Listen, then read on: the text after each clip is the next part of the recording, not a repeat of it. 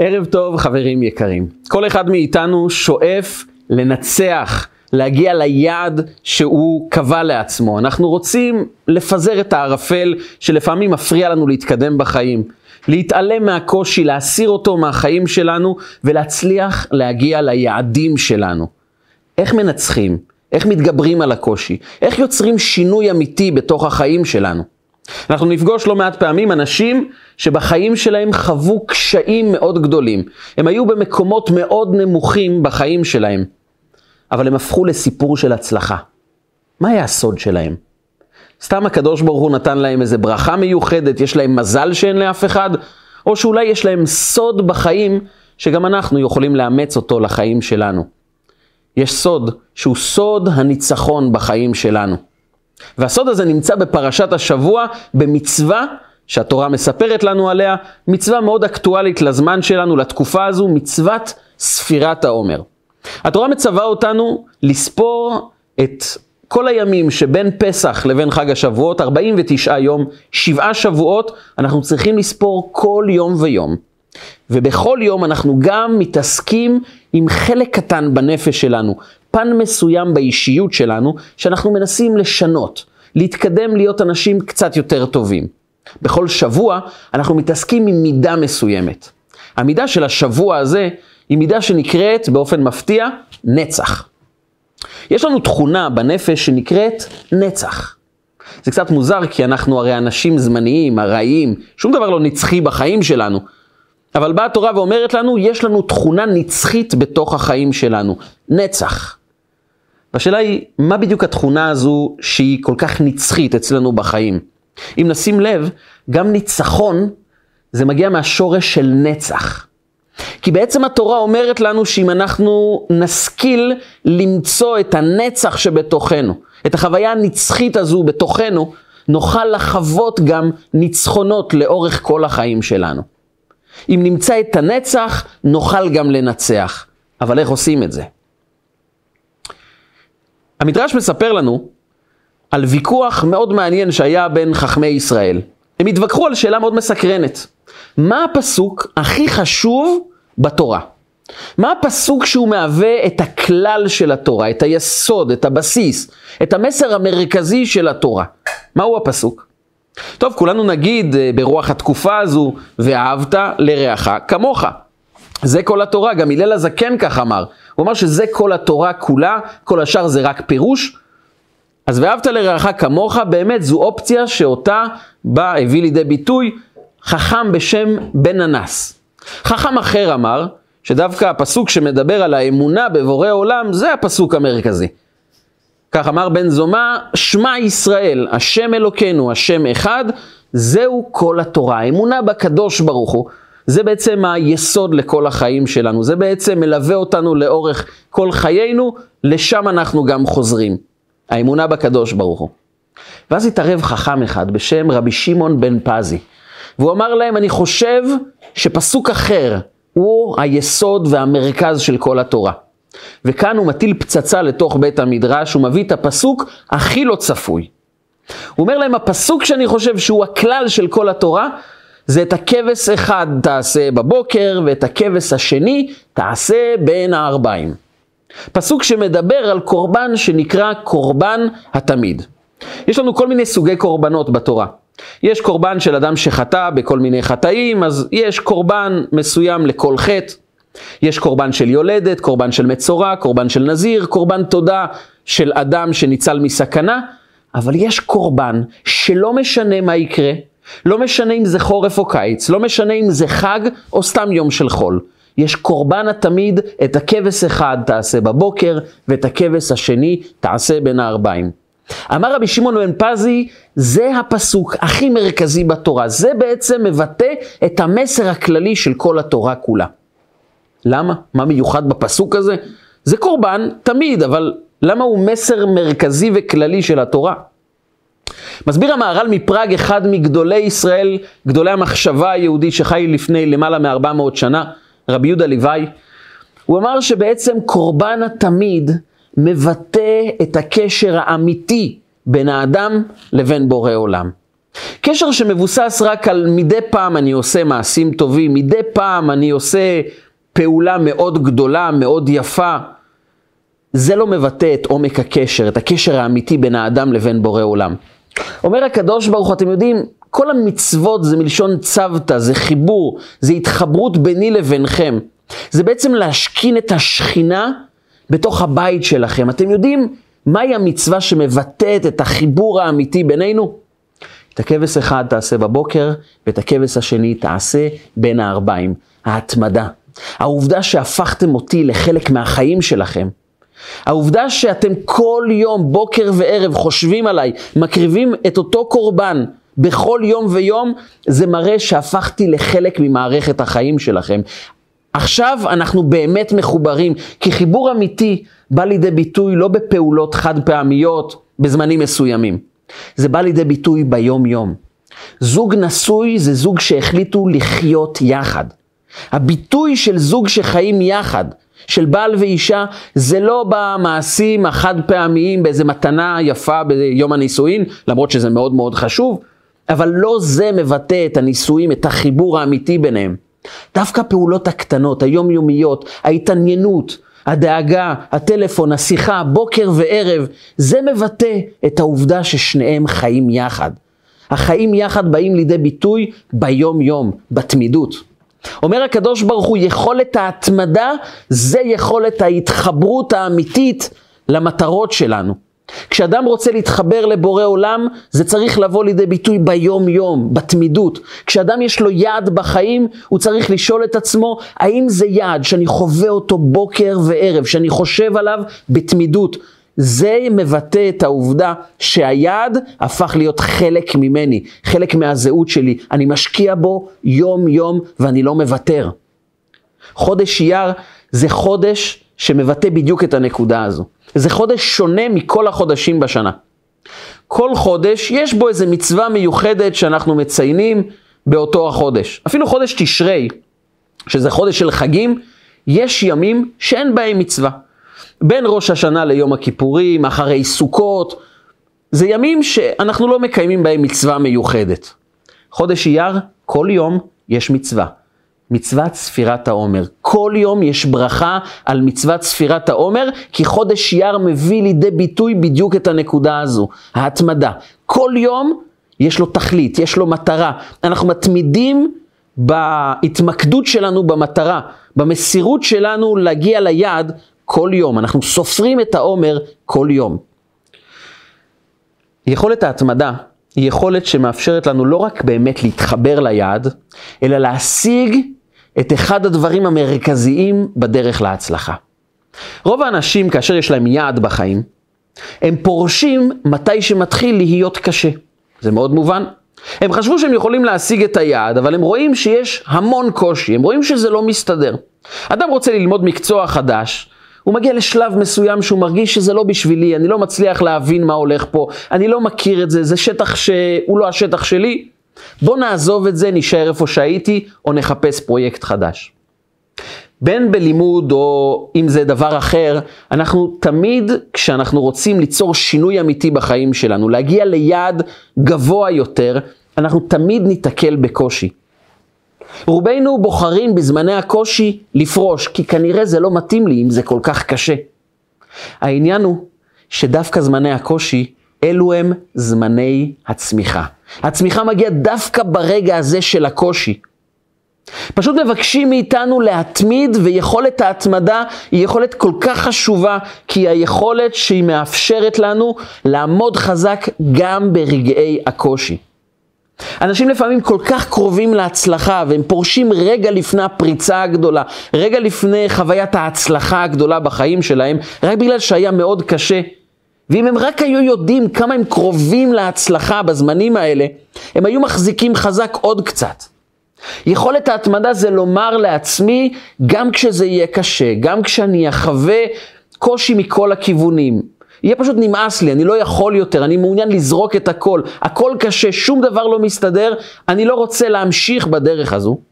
זה הזמן להתמיד ולהחדיר בתוכנו את התובנה שרק התמדה, להמשיך באותה הדרך, שם אנחנו נחווה את ההצלחה. כי רגעי הקושי זה הרגע, אלו הם הרגעים שלפני הפריצה. הם הרגעים שמאפשרים לנו בעצם להיות כמו הזרע שאנחנו זורעים באדמה. הזרע נרקב לגמרי, הוא הופך להיות שום דבר, אבל הוא ממשיך. ואז מתחילה הצמיחה. כי הצמיחה מגיעה בדיוק ברגע שאנחנו חשים ששום דבר לא מסתדר. אבל אנחנו מתמידים, אנחנו ממשיכים חזק, אנחנו לא מוותרים. אנחנו תופסים את עצמנו ואומרים לעצמנו עוד קצת, אנחנו חייבים להמשיך. כשאנחנו ממשיכים ושורדים את רגעי הקושי, אז אנחנו חווים צמיחה חדשה. בכל לידה אישה חווה זמנים של כאב, זמנים של סבל, זמנים שהיא אומרת לעצמה אי אפשר יותר. זה נקרא בלשון חכמינו רגעי משבר, משבר זה השם של המיטה שעליה אישה יולדת. כי ברגעים של המשבר, ברגעים הקשים ביותר, שם האישה מביאה חיים חדשים לעולם. כי זה מסר שאם אנחנו רוצים לחוות סוג של אישיות חדשה, משהו אחר, להתפתח, להגביה את עצמנו, להפוך לאנשים חדשים, ליצור שינוי אמיתי בחיים שלנו, זה נמדד רק ביכולת שלנו להתמיד, להמשיך הלאה, לא להיכנע לרגעי הקושי, פשוט להמשיך. להסתכל על הירח רגע, כי יש מושג שנקרא בהלכה מולד הלבנה. הירח, כשהוא גדול, הוא מרגיש מצוין, אבל אז הוא מתחיל להתמעט. הוא קטן והולך עד שהוא נעלם לגמרי, אבל הוא ממשיך. וברגעים האלה שהוא הופך להיות כלום, שום דבר, אפס, ברגע הזה מתחיל מולד הלבנה. אז הלבנה מתחילה לגדול, היא מתחילה לצמוח, כי היא שרדה את הרגע של האפס, של הקושי, הרגע הזה של המשבר, שאני שום דבר, משם מתחילה ההצלחה. כי אין מה לעשות, אנחנו חיים בחיים כאלה שגם קושי הוא חלק מההצלחה.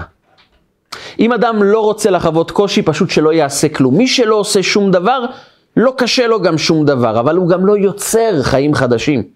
מי שמעוניין להשיג יעד חדש, ליצור משהו אמיתי מהחיים שלו, חייב להסכים ולהכיר בעובדה שיש גם רגעי קושי. וכאן אנחנו מאמצים את התכונה הזו שנקראת תכונת ההתמדה. אנחנו פשוט ממשיכים. ואם אנחנו ממשיכים ושורדים את רגעי הקושי מתוך ידיעה, כאן נמצאת ההצלחה, כאן מתחילה הצמיחה. אני פשוט חייב להתמיד, להמשיך. אז אני חווה סוג של אישיות חדשה. אז אני הופך להיות גבוה יותר. אז אני מקבל שינוי באורח החיים שלי. וזה בעצם עומק הבכי של רבי יהודה הנשיא. רבי יהודה הנשיא, שהיה גדול החכמים בדור שלו, הוא שמע פעם על אלעזר בן דורדיה. סיפורו של אלעזר בן דורדיה הוא סיפור של אדם שלא הפסיק לחטוא, לא הפסיק לעשות עבירות. הוא היה אדם מושחת בכל מובן שהוא. והוא חטא בחטאים שהוא פשוט חיפש אותם בנרות. יום אחד הוא שמע שהוא יכול לעשות חטא, עבירה, דווקא בחוץ לארץ, הוא לקח כסף ונסע לחוץ לארץ כדי לחטוא. מישהו אמר לו שם, תקשיב, אתה אלעזר בן דורדיה, אתה כל כך נמצא למטה, אתה כל כך מושחת, לך אין סיכוי יום אחד לחזור בתשובה. אין לך סיכוי להפוך לאדם טוב. אתה אדם מושחת, וזה כנראה סופי. הוא כל כך נעלב, הוא כל כך נפגע, הוא פתאום קיבל סטירה לפנים שהעירה אותו וגרמה לו לחשוב רגע לאיפה אתה הולך, מה עם החיים שלך, במה אתה משקיע, מה עם האמת בתוך החיים שלך. ואז הוא עלה על ההר והתחיל לבכות. הוא ביקש רחמים מהשמיים, מהארץ, מהשמש, מהירח, מהגבעות, מההרים. כולם אמרו לו, אנחנו מתעסקים עם החיים שלנו, לא עם שלך. את החיים שלך אתה צריך לשנות, רק אתה אחראי על החיים שלך. הוא שמע את זה והניח ראשו בין ברכיו ואמר, כנראה שזה תלוי רק בי, הוא בכה והחליט לשנות את אורחות חייו לגמרי. הוא כל כך הצטער על החיים הקודמים שלו, שהצער גרם לו לעזוב את העולם באותו הרגע. פרחה נשמתו, הוא נפטר באותו מקום. וכשהנשמה שלו עלתה למעלה, יצאה בת קול מהשמיים ואמרה, רבי אלעזר בן דורדיה מזומן לחיי העולם הבא. הוא קיבל את עולם הבא כמו אדם שכל חייו עשה רק מצוות. הוא קיבל את העולם הבא שלו. באותם רגעים שמע רבי יהודה הנשיא את ההכרזה הזו, את הבת קול שיצא מלמעלה, והוא התחיל לבכות. הוא התחיל לבכות והוא אמר משפט מאוד מוזר. תוך כדי הבכי הוא אמר, יש קונה עולמו בשעה אחת, ויש קונה עולמו בכמה וכמה שנים. יש אנשים שכדי לקבל את העולם הבא, הם צריכים לעבוד כל החיים, ויש אדם שבשעה אחת זכה לחיי העולם הבא. זה נכון מציאותית שבאמת אדם כמו רבי אלעזר בן דורדאי זכה לעולם הבא בשעה אחת, אבל השאלה היא למה אתה בוכה? למה אתה מקבל את זה בצורה עצובה? לכאורה זה דבר מאוד מאוד משמח, דבר מאוד מאוד טוב. אתה צריך לשמוח שאלעזר בן דורדאי תפס את עצמו ברגע האחרון וקיבל עולם הבא, למה אתה בוכה? והסביר פעם המגיד ממזריץ', תלמידו של הבעל שם טוב הקדוש, שרבי אלעזר בן דורדאי פספס דבר אחד בחיים שלו. הוא זכה לעולם הבא בשעה אחת. הוא לא זכה לעולם הבא דרך ההתמדה, דרך ההשקעה היומיומית. הוא לא ידע מה זה לקום לתפילה גם בחורף, גם בקיץ, גם כשאתה לא מרגיש טוב, גם כשהזמנים הם קשים, גם כשחווים נפילה רגשית בחיים שלנו, ובכל אופן אנחנו מתמידים וממשיכים. את זה הוא לא הכיר, הוא לא ידע מה זה להתחבר לאמת בתמידות, בהשקעה, בלחוות את המשברים, לשרוד אותם ולהמשיך הלאה. הוא לא חווה את עולם הבא דרך ההתעלות הנפשית האישית שלו, לזה הוא לא זכה. ועל זה בחר רבי. כי רבי אמר, יש דברים שאתה קונה רק אם תתמיד. שכר בעולם הבא יקבל אלעזר בן דורדיה. את השינוי הפנימי שמגיע רק דרך ההתמדה, דרך ההתעקשות, דרך זה שאני אומר לעצמי, אני אשיג את היעד ואני אעמוד בו ואני אשרוד כל קושי. אז אדם הופך להיות אדם אחר. אז אדם הופך להיות המנהיג של חייו, הוא יוצר שינוי אמיתי. אחת הדוגמאות לזה בסיפורי התורה זה סיפורו של יהושע בן נון. כשאנחנו קוראים את כל uh, הסיפור של עם ישראל במדבר, אנחנו פוגשים דמות מאוד מיוחדת, עם כריזמה מאוד גדולה, עם uh, קבלת החלטות בזמנים קשים. הדמות הזו הייתה פנחס. פנחס בן אלעזר בן אהרון הכהן. הוא אדם שברגעי המשבר הגדולים של עם ישראל, כאשר משה רבנו לא ידע מה לעשות, הוא רואה את כל עם ישראל מתחתנים עם בנות מדיין. התבוללות טוטאלית בעם ישראל, התפרקות. נשיא מישראל, נשיא שבט שמעון מגיע למשה רבנו ואומר לו, אני אתחתן עם גויה, עם מדיינית. ומשה רבנו לא יודע מה לעשות, ועם ישראל מתפרק לרסיסים. כל הנשים של משה רבנו יושבים ובוכים כי רואים באובדן מנהיגות בעם ישראל. הם רואים שעם ישראל, כל אחד עושה מה בא לו ואין הנהגה. אין איך לטפל בעם ישראל ברגעים האלה. וקם פנחס מתוך העדה, והוא לוקח רומח בידו ומסדר את העניינים. הוא הורג את המורדים, הוא עוצר את המגפה שהתחילה להתפשט בעם ישראל, והוא ייצב בחזרה את העם. הדמות הזו של פנחס הפכה להיות דמות של כהן. פנחס בן אלעזר בן אהרון הכהן הפך בעצמו להיות כהן, בגלל שהוא לקח אחריות ברגע הקשה של עם ישראל. כולנו היינו מצפים שאחרי מותו של משה רבנו, מי שיקח את תפקיד המנהיגות יהיה פנחס. אבל הקדוש ברוך הוא אומר למשה רבנו, לא, לא פנחס. יש דמות אחת שאף אחד לא ממש שם לב אליה, קראו לדמות הזו יהושע בן נון. הוא היה נשיא, אבל uh, לא משהו מיוחד. הוא לא ביצע פעולות מיוחדות, נכון, הוא היה חלק מהמרגלים, שדווקא אהב את ארץ ישראל ואמר לעם ישראל, אנחנו נוכל לכבוש את הארץ. הוא ביחד עם כלב, לא ידוע על איזה מעשה הירואי מיוחד שהוא עשה בעולם. הייתה לו תכונה אחת, שבזכותה הוא נבחר להיות המנהיג של עם ישראל. התכונה הזו באה לידי ביטוי במה שהתורה אומרת, נער לא ימיש מתוך האוהל. היה לו תפקיד, התפקיד שלו זה היה לסדר את בית המדרש לקראת השיעור הגדול של משה רבנו. הוא עשה את זה יום-יום, לא ימיש מתוך האוהל.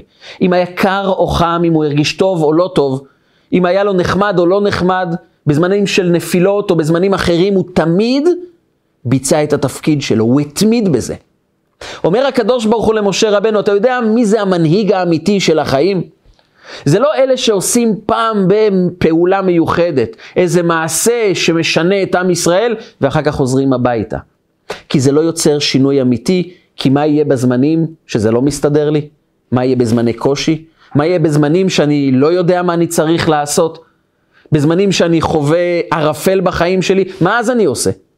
היחיד שיכול לעמוד בפני כל פגעי הזמן, כל המשברים, כל המכשולים שבדרך, זה אדם שיש לו את תכונת ההתמדה. הוא יכול לנהל את החיים, כי לא החיים מנהלים אותו, הוא קבע את היעד והוא יתמיד בו עד הסוף. מי שיודע להתמיד, הופך להיות המנהיג של החיים שלו, וכנראה שהוא המתאים ביותר להיות גם המנהיג של עם ישראל, כי הוא צריך להעביר את המסר לכל אחד ואחד מהעם. אתה יכול, רק תתמיד, תתקדם. זה בעצם הסוד של ההצלחה. לדעת להתמיד זה מה שהופך אותנו לשונים, לגבוהים יותר, למצליחים יותר, כי אנחנו לא קורסים ברגעים של המשבר, אלא אנחנו יודעים שאלו הם הרגעים שאני צריך להחזיק חזק כדי להתקדם. אבל יש דבר אחד שעוצר אותנו בחיים. כאשר אנחנו מבינים שצריכים להתמיד וההתמדה היא זו שתעזור לנו להגיע ליעד ואנחנו מוכנים לעמוד בפני כל הקשיים, אנחנו עדיין עלולים להישבר. למה? כי אנחנו לוקחים על עצמנו החלטות גדולות, ענקיות. אנחנו בטוחים ששינוי אמיתי זה רק בהחלטה אחת גדולה שהיא משמעותית.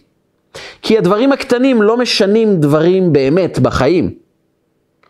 וכאן מסתתר סוד ההצלחה. השינוי, ההצלחה, להפוך את עצמנו לטובים יותר, זה דווקא תלוי בפרטים הקטנים. הסוד הגדול של אנשים מצליחים זה שמעולם לא זלזלו בפרטים הקטנים, בצעדים הקטנים של החיים. רבי עקיבא, שהפך להיות, ובמיוחד בתקופה הזו אנחנו לא מפסיקים להזכיר אותו, תקופת ספירת העומר, הוא הפך להיות המנהיג של עם ישראל, החכם הגדול, בגלל אירוע אחד מאוד מפורסם שקרה לו, וכדאי שנתמקד בפרט אחד, שלעיתים אנחנו לא שמים לב בסיפור הזה. רבי עקיבא החליט שהוא רוצה להיות תלמיד חכם. הוא החליט שהוא רוצה להיות אדם שיודע המון המון תורה. והוא אפילו הבטיח לאשתו לפני החתונה, שיעברו כמה ימים אחרי החתונה, הוא הולך לבית המדרש וישקיע את כל כולו בלימוד. ואז אחרי החתונה הוא פתאום קולט שזה פרויקט ענק. ופתאום הוא חווה את הקושי. והוא אומר לעצמו, איך אני אעמוד ביעד הזה, להיות תלמיד חכם? הרי המצב האקטואלי שלי, המצב שלי עכשיו, זה שאני לא יודע לקרוא, אני לא יודע לכתוב, אני מעולם לא למדתי תורה. מה הקשר ביני לבין להיות תלמיד חכם? זה הרי תלוש מהמציאות, זה לא שייך, זה חלומות. ואז הוא מודיע לאשתו, אני לא יכול ללכת ללמוד תורה. הוא הסתובב אה, ביער, ותוך כדי אה, הליכה בצדדי היער, הוא רואה אבן עם חור עמוק בתוך האבן. והוא רואה טיפות שיורדות לתוך החור. הוא לא הבין מי חצב חור כזה בתוך האבן, אז הוא שאל כמה אנשים שעברו, הוא אמר להם, אתם יודעים רגע מי עשה את החור העמוק הזה בתוך האבן? אמרו לו, אף אחד לא עשה, זה מהטיפות. הטיפות יורדות, והם חצבו חור בתוך האבן. הוא אמר להם, אתם משקרים, אתם לא דוברי אמת, לא יכול להיות שטיפת מים שהיא חסרת כוח תוכל לחצוב חור בתוך אבן, זה לא שייך. למה אתם משקרים? אמרו לו, תקשיב, טיפת מים לא יכולה ליצור חור בתוך אבן, אבל טיפה ועוד טיפה ועוד טיפה לאורך זמן יכולים ליצור חור גם בתוך אבן. ורבי עקיבא, עקיבא שמע את זה, והוא קיבל תובנה לחיים שהפכה לו את האישיות לגמרי. הוא אמר לעצמו, אם טיפה ועוד טיפה ועוד טיפה יכולה, יכולים לחצוב חור בתוך אבן, גם אם הראש שלי עשוי מאבן, גם אם הלב שלי סגור לגמרי, גם אם אני מרגיש שהכישרונות שלי הם נמוכים מאוד, אני לא יכול להשיג את המטרות, יש דבר אחד שאני חייב לזכור בחיים, אם תתמיד, תשיג את היעדים, אבל תתמיד כמו טיפות. טיפה היא לא חושבת איך אני אשנה את העולם, איך אני אצור חור. היא יודעת, יש לי תפקיד עכשיו ליפול על האבן. ועוד טיפה ועוד טיפה ועוד טיפה, בסוף נוצר חור בתוך האבן. למה?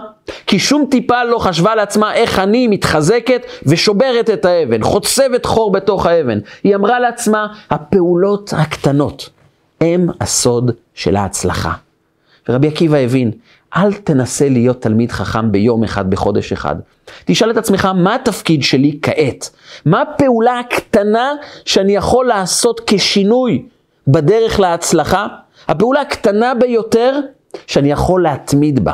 הסוד הוא ההתמדה עם פעולות קטנות. אני חושב לעצמי, מה יקדם אותי?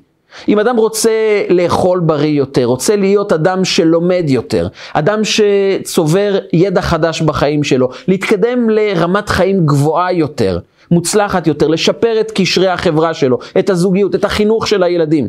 הוא לא יכול להפוך ביום אחד לאבא המושלם, לבעל המושלם, לאישה המושלמת. זה לא עובד ככה. זה עובד בפרטים קטנים ממוקדים שאנחנו בוחרים לעשות אותם בתמידות. זה בדיוק הסוד שנמצא בפרשת השבוע שקשור עם ספירת העומר, והוא נקרא קורבן העומר. מה זה קורבן העומר? זה קורבן שהיינו מקריבים בבית המקדש, שהחל מהיום הזה אנחנו מתחילים לספור את העומר, אבל הקורבן הזה הוא קורבן מאוד מעניין. במוצאי החג הראשון של פסח, הולכים הנציגים של בית הדין לקצור כמות של שעורים. מה הכמות? כמות של בערך, שאפשר להפיק ממנה משיבולים, משעורים, אפשר להפיק ממנה כמות של בערך 24 קילוגרמים של קמח של שעורים. לוקחים את כל זה לבית המקדש ומתחילים לטחון את הגרעינים, מתחילים לסנן את הקמח ולוקחים מתוך ה-24 קילוגרמים, לוקחים בערך 2.5 קילו. מסננים גם את זה, ואז הכהן לוקח מלוא קומצו. הוא פשוט לוקח יד וסוגר את היד ולוקח רק כמות קטנה שנכנסת ביד אחד, ואת זה הוא מקריב על גבי המזבח. אומר הקדוש ברוך הוא, את כל השאר אתם יכולים לחלק לכהנים, שיאכלו, שייהנו. אני מבקש ממך רק דבר אחד, שים יד, תן משהו קטן, פעולה קטנה. פעולה הקטנה הזו היא זו שתשנה את המציאות. היא זו שתביא אותך להתקדם. כי השינוי הקטן, הפעולה הקטנה שאנחנו יוצרים, היא זו שמביאה אותנו להתקדם באמת ליעד חדש. נחשוב לעצמנו. אם אנחנו לוקחים על עצמנו שינוי קטן בחיים, אדם מחליט לא ביום אחד הוא אוכל רק אוכל בריא, אלא הוא מקבל על עצמו דבר אחד לא טוב להוריד, דבר אחד בריא כן להוסיף. הוא בוחר לעצמו חמש דקות בבוקר או בערב ללמוד דבר חדש. בשינויים הקטנים האלה טמון סוד ההצלחה. בדרך כלל אדם חושב לעצמו שרק הדברים הגדולים ישנו את המציאות. מסתבר שרק מי שיודע להתמיד לאורך זמן עם פרטים קטנים, יוצר את השינוי האמיתי. אם נרצה דוגמה מאוד משעשעת לדבר הזה, יש אדם שבסוף שנות ה-70 אכל מטוס. יש אדם, הדבר אמיתי לחלוטין, זה מוכח גם בתמונות, הוא אכל מטוס. אתם בטח אומרים לעצמכם, לא, לא שייך, לאכול מטוס, אין בן אנוש שיכול לאכול מטוס, זה שקר. מסתבר שבאמת יש אדם שאכל מטוס. קראו לו מישל לוטיטו, הוא היה בדרן צרפתי, שהיה לו תסמונת שקוראים לו תסמונת פיקה של הפרעות אכילה, הוא אוהב לאכול מתכות. איך הוא אכל מטוס?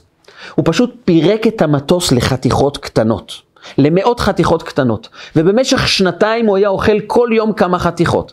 בסוף השנתיים הוא נכנס לספר השיאים של גינס, הוא אכל מטוס. מטוס שלם שראינו עבר דרך הקיבה שלו תוך שנתיים. למה? כי הוא ידע לחלק את זה לחתיכות קטנות ולהתמיד בזה לאורך זמן. זה בעצם סוד ההצלחה. אדם יכול להגיע לכל יעד שהוא רק רוצה, מבקשים ממנו רק תספור את הימים, כל יום הוא יום חשוב. קורבן העומר אומר לנו, קח מלוא קומצו, קומץ קטן, תשים אותו על המזבח ותתמיד בו, את הכבש אחד תעשה בבוקר, ואת הכבש השני תעשה בין הערביים. ההתמדה כל יום עם הדברים הקטנים, מחדירה בתוכנו את התובנה שאנחנו יותר חזקים מהמציאות הקשה. אנחנו נשרוד כל מכשול, אנחנו נתמיד בזה, אנחנו נמשיך, שום דבר לא ישבור אותנו. ובתנאי שנדע לחלק את זה לפרטים קטנים ולהתמיד בזה, כי יכולת ההתמדה זה יכולת הנצח שקיימת בנפש שלנו. זה הנצח והניצחון. כשאדם יודע, יש בתוכי תכונה נצחית, זה יכולת ההתמדה. אנחנו לא נצחיים, אנחנו לא אינסופיים כמו בורא עולם. אבל בכל מה שקשור לחיים שלנו, אנחנו יכולים להחליט להתמיד. זה הנצח שקיים בתוכנו. ומי שמנצח זה אותו אדם שבוחר ללכת עד הסוף. הוא לא מפחד. כשהוא נופל, הוא מנער את האבק וממשיך הלאה. יש משל על uh, מלך אחד ששלח את הבן המוכשר שלו ללמוד המון חוכמות, מדע, להיות אדם משכיל. הוא חזר אחרי כמה שנים, חכם גדול עם המון תעודות והמון תוארים, ואבא שלו אומר לו, טוב, עכשיו שאתה חכם גדול, אני מבקש ממך לבצע את המשימה הבאה. אתה רואה את האבן הזו? הייתה אבן ענקית בחצר הארמון. את האבן הזו תביא לי בבקשה לקומה השמינית. הבן מסתכל על האבן ואומר, אבא, זה לא שייך, אני לבד לא יכול לעשות את זה, אני יכול לקרוא לחברים שלי. אומר, שום חבר, לבד ובלי מנוף, אתה מביא את האבן הזו לקומה השמינית. הבן מתחיל להתחנן לאבא ואומר לו, תקשיב אבא, זה, זה לא למדתי בשום חוכמה, את זה לא מלמדים בשום מקום, זה לא שייך בכלל למדע, זה דבר פשוט, דבר מובן לכל אחד, שאני לא יכול להרים אבן כזו עוצמתית, ובטח לא לקומה שמינית. האבא אומר לו משפט אחד, המלך ציווה עליו ואומר לו, בני, יש לך חודש להביא את האבן הזו לקומה השמינית. הבן לא יודע מה לעשות, הוא ניסה להזיז את זה, הוא ניסה להרים את זה, אפילו מעט, הוא לא הצליח. הוא ניסה כל יום, אבל זה לא זז. ואחרי חודש אבא שלו אומר לו, למה לא העלית את זה לקומה שמינית? הוא אומר לו, אבא, אי אפשר, זה לא שייך, ביקשת ממני מעשה שאי אפשר לבצע אותו. אומר לו, אבא, למה אי אפשר לבצע אותו? מי ביקש ממך בכלל להרים את כל האבן ולהעלות אותה לקומה שמינית? יכלת להעלות את האבן הזו בחתיכות. יכלת לקחת כל יום חתיכה קטנה ולהעלות אותה, ואחרי חודש היית מרים שני אבנים כאלה. היית יכול להעביר שני אבנים כאלה לקומה שמינית. למה חשבת שאפשר לבצע את המשימה רק במשימה גדולה, רק בפעולה ענקית של להרים את כל האבן? קח אותה בחתיכות. תוריד את זה לחתיכות קטנות ותוכל לעלות גם שני אבנים כאלה לקומה שמינית. את החוכמה הזו לא, אולי לא מלמדים, אבל זה סוד ההצלחה. הסוד הזה של לדעת לעמוד חזק במשימות הקטנות ולהתמיד בזה לאורך זמן. זה מה שהופך את החיים שלנו לגבוהים יותר. ככה אנחנו יכולים להשיג את היעדים שלנו. ככה אנחנו הופכים את החיים שלנו לחיים של משמעות, חיים של נצח. כי אנחנו מנצחים בהרבה פעולות קטנות. אנחנו לא מחפשים את הניצחון הגדול, אנחנו מחפשים את הניצחון הקטן של היום. ומחר את הניצחון של מחר. והניצחונות הקטנים האלה, הם אלה שיוצרים את הניצחון הגדול. המסר הזה פעם העביר אחד מגדולי הרבנים של חב"ד לתלמידים בישיבה, קראו לו רבי ניסן נמנוב. הוא שרד את הטרור של המשטר הקומוניסטי ברוסיה באותם ימים. הוא נזרק לסיביר בגלל שהוא לימד תורה ילדים, הוא ניסה לשמור על ישיבה, על ישיבה של ילדים קטנים שילמדו תורה. והוא נזרק לסיביר, הוא עבר שם קשיים שאי אפשר לסבול אותם, קור אימים, סבל של עבודת פרך. והרבה פעמים כשהרוסים היו רוצים להיפטר מבני אדם, הם היו נותנים להם לשמור בחוץ עם בגד דק, בתוך קור של מינוס 40 בשלג, והם ידעו שבאמצע הלילה הוא יקפא למוות. וכך היה עם המון אנשים, עד שגם אותו רב ניסן נמנוב קיבל את ההודעה, הלילה אתה זה ששומר. הוא נכנס למגדל השמירה, והוא התחיל להרגיש את הקור. הוא התחיל להרגיש את הקור חודר לתוך העצמות שלו. והוא הצליח לשרוד את הלילה הזה, הוא לא קפא למוות. שאלו אותו שנים מאוחר יותר, שהוא כבר הצליח לצאת מרוסיה, שאלו אותו התלמידים, איך הצלחת? מה גרם לך לשרוד את הלילה הקפוא הזה ולא לקפוא למוות? הוא אמר להם, אתם יודעים, אתם תמיד שואלים אותי, למה אני תמיד מתעקש איתכם שתתמידו, שתמיד תמשיכו, שלא תעצרו, כל יום להתמיד, גם ברגעים הקשים, לא לוותר על הלימוד, על התפילה, על המעשים הטובים. אתם כל הזמן אומרים לי, למה אתה לא נותן איזה יום אחד של חופש, איזה יום אחד שלא צריכים להתמיד בו? אתם יודעים מה הסוד? הסוד הוא אותו סוד שהציל את החיים שלי. אתם יודעים שאדם נמצא בקור כל כך היום, הוא בשלב מסוים מתחיל להרגיש תחושת עייפות. והוא רוצה להירדם, וכאשר הוא נרדם, הגוף נחלש, ואז הוא כופה למוות. כל האנשים במחנה בסיביר ידעו את זה. ידעו שאסור להם להירדם, כי אם הם ירדמו, הם יקפאו למוות. אבל אף אחד לא מצליח להתגבר על החשק להירדם בתוך הקור הזה. אבל אני, אני הרגלתי את עצמי לעמוד חזק ולהתמיד במה שאני חושב שנכון, גם ברגעי הקושי. ומי שהרגיל את עצמו לעמוד חזק גם ברגעים של הקושי, יכול לשרוד גם את הקור של סיביר. בזכות זה שתמיד התמדתי, שלא נבהלתי מהקושי, אמרתי לעצמי, הקושי זה ההזדמנות שלי לזנק, לקפוץ, להתקדם. אז הפכתי לאדם ששומר על החיים שלו, ניצלתי. וכשאני אומר לכם תתמידו, אני אומר לכם בעצם את סוד החיים, את הסוד שהציל לי את החיים, ויכול להעניק לכם חיים חדשים. תתמידו. תבחרו לעצמכם את המשימה הבאה, את ההתקדמות הבאה. קחו את הפרטים הכי קטנים, אל תחפשו את הדברים הגדולים, לא משם תבוא הישועה. תחתכו את האבן לחתיכות קטנות. בצעדים קטנים, בניצחונות קטנים, אנחנו יוצרים ניצחון גדול. אנחנו מגיעים להישגים גדולים. ספירת העומר מלמדת אותנו לקחת בכל יום פעולה קטנה ולהתמיד בה. בסופו של תהליך אנחנו מגיעים בפני הר סיני לקבלת התורה, אז אנחנו הופכים להיות אנשים אחרים. אנחנו מקבלים את המתנות הגדולות של החיים. כי נכון, התמדנו, השקענו, אבל המתנה שאנחנו מקבלים היא מתנה שלא ציפינו לה. כי מי שמתמיד, מי שעומד בפני כל הקשיים, פתאום חווה סוג של הצלחה שמעולם הוא לא דמיין שהיא תגיע לחיים שלו. סוד ההצלחה, להתמיד, לא להיבהל מהקשיים, להאמין בעצמנו. כי אמר רבי צדוק הכהן מלובלין משפט מאוד חשוב, משפט מפתח בחיים שלנו. מי שמאמין באלוקים ולא מאמין בעצמו, כנראה גם באלוקים לא מאמין. כי להאמין באלוקים זה גם להאמין בעצמנו. להאמין שיש לנו ייעוד, שאנחנו נוכל גם לממש אותו, שאנחנו נצליח, אנחנו רק נתמיד ואנחנו נגיע ליעד. ואם אנחנו נאמין בעצמנו, אז הקדוש ברוך הוא גם יאמין בנו שמגיע לנו גם את הרגע של הגאולה השלמה שתבוא אלינו במהרה בימינו, אמן ואמן.